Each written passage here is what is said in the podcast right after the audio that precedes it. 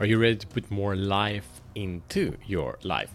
And this is also for you if you're ready to set your heart free and experience more power and joy and passion in your life. So, welcome to Show the Fuck Up Minute. My name is Matt Fyron, and this show is for men that are committed to stop playing small and at the same time willing to unleash their personal greatness. So we do this with daily challenges where we grow together in the four areas of a meaningful life being purpose, passion, power and profit.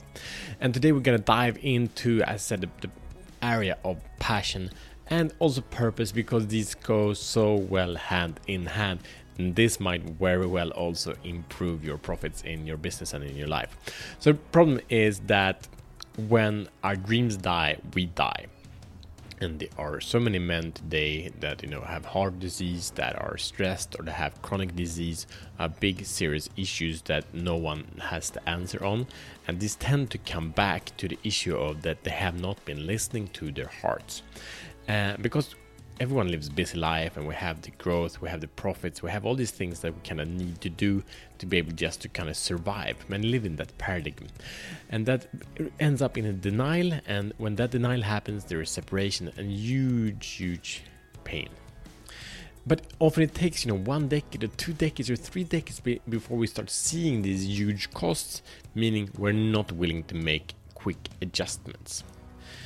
So men you know want more aliveness and they demand it kind of from the environment. They want more passions from their wives but still not being able to show the fuck up to their own hearts.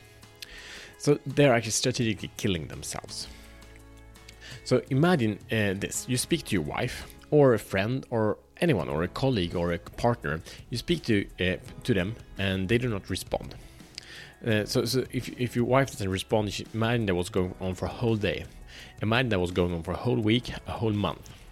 What everyone would do is like, yeah, we'd stop talking to her because she's freaking ignoring you and makes you, you know, you need to find a different way.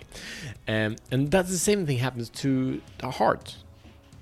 That our hearts are speaking to us, you know, a lot, but then we tend to ignore it. We tend to like whatever. It feels like an impulse, it's an intuition, it's a it's a, a calling, it's whatever.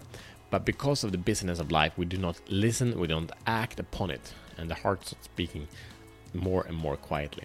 It's beautiful uh, sharing about this in in the wonderful book The Alchemist. So, anyway, if you want to live a life of full of, purpose, passion, power, and profit, live life beyond the compromise, we need to include a heart. And there's tons of uh, research done on also heart mind coherence. So when the heart and mind is working on the same frequency, you basically get superpowers. But we're not gonna dive into that. But but the solution is is easy. It's to feed your heart to be enlivened. We start doing that by listening, by giving it power, by saying, You matter in my life.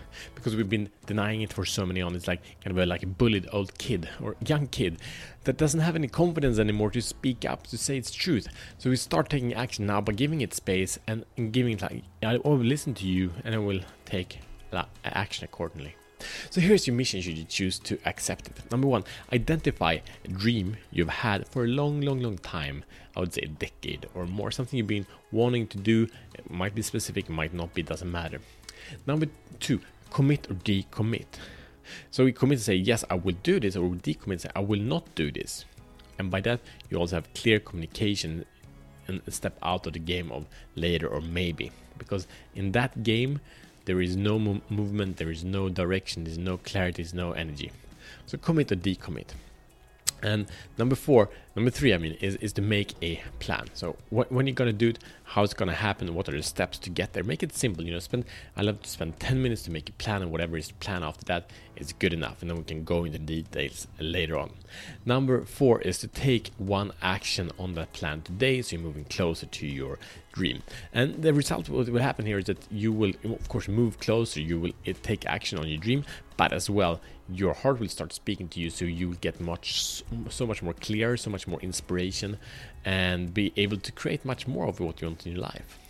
So i bet you know another man that is in the same situation that want to create more uh, live more abundant life and denies his heart. So share this episode with him and also subscribe.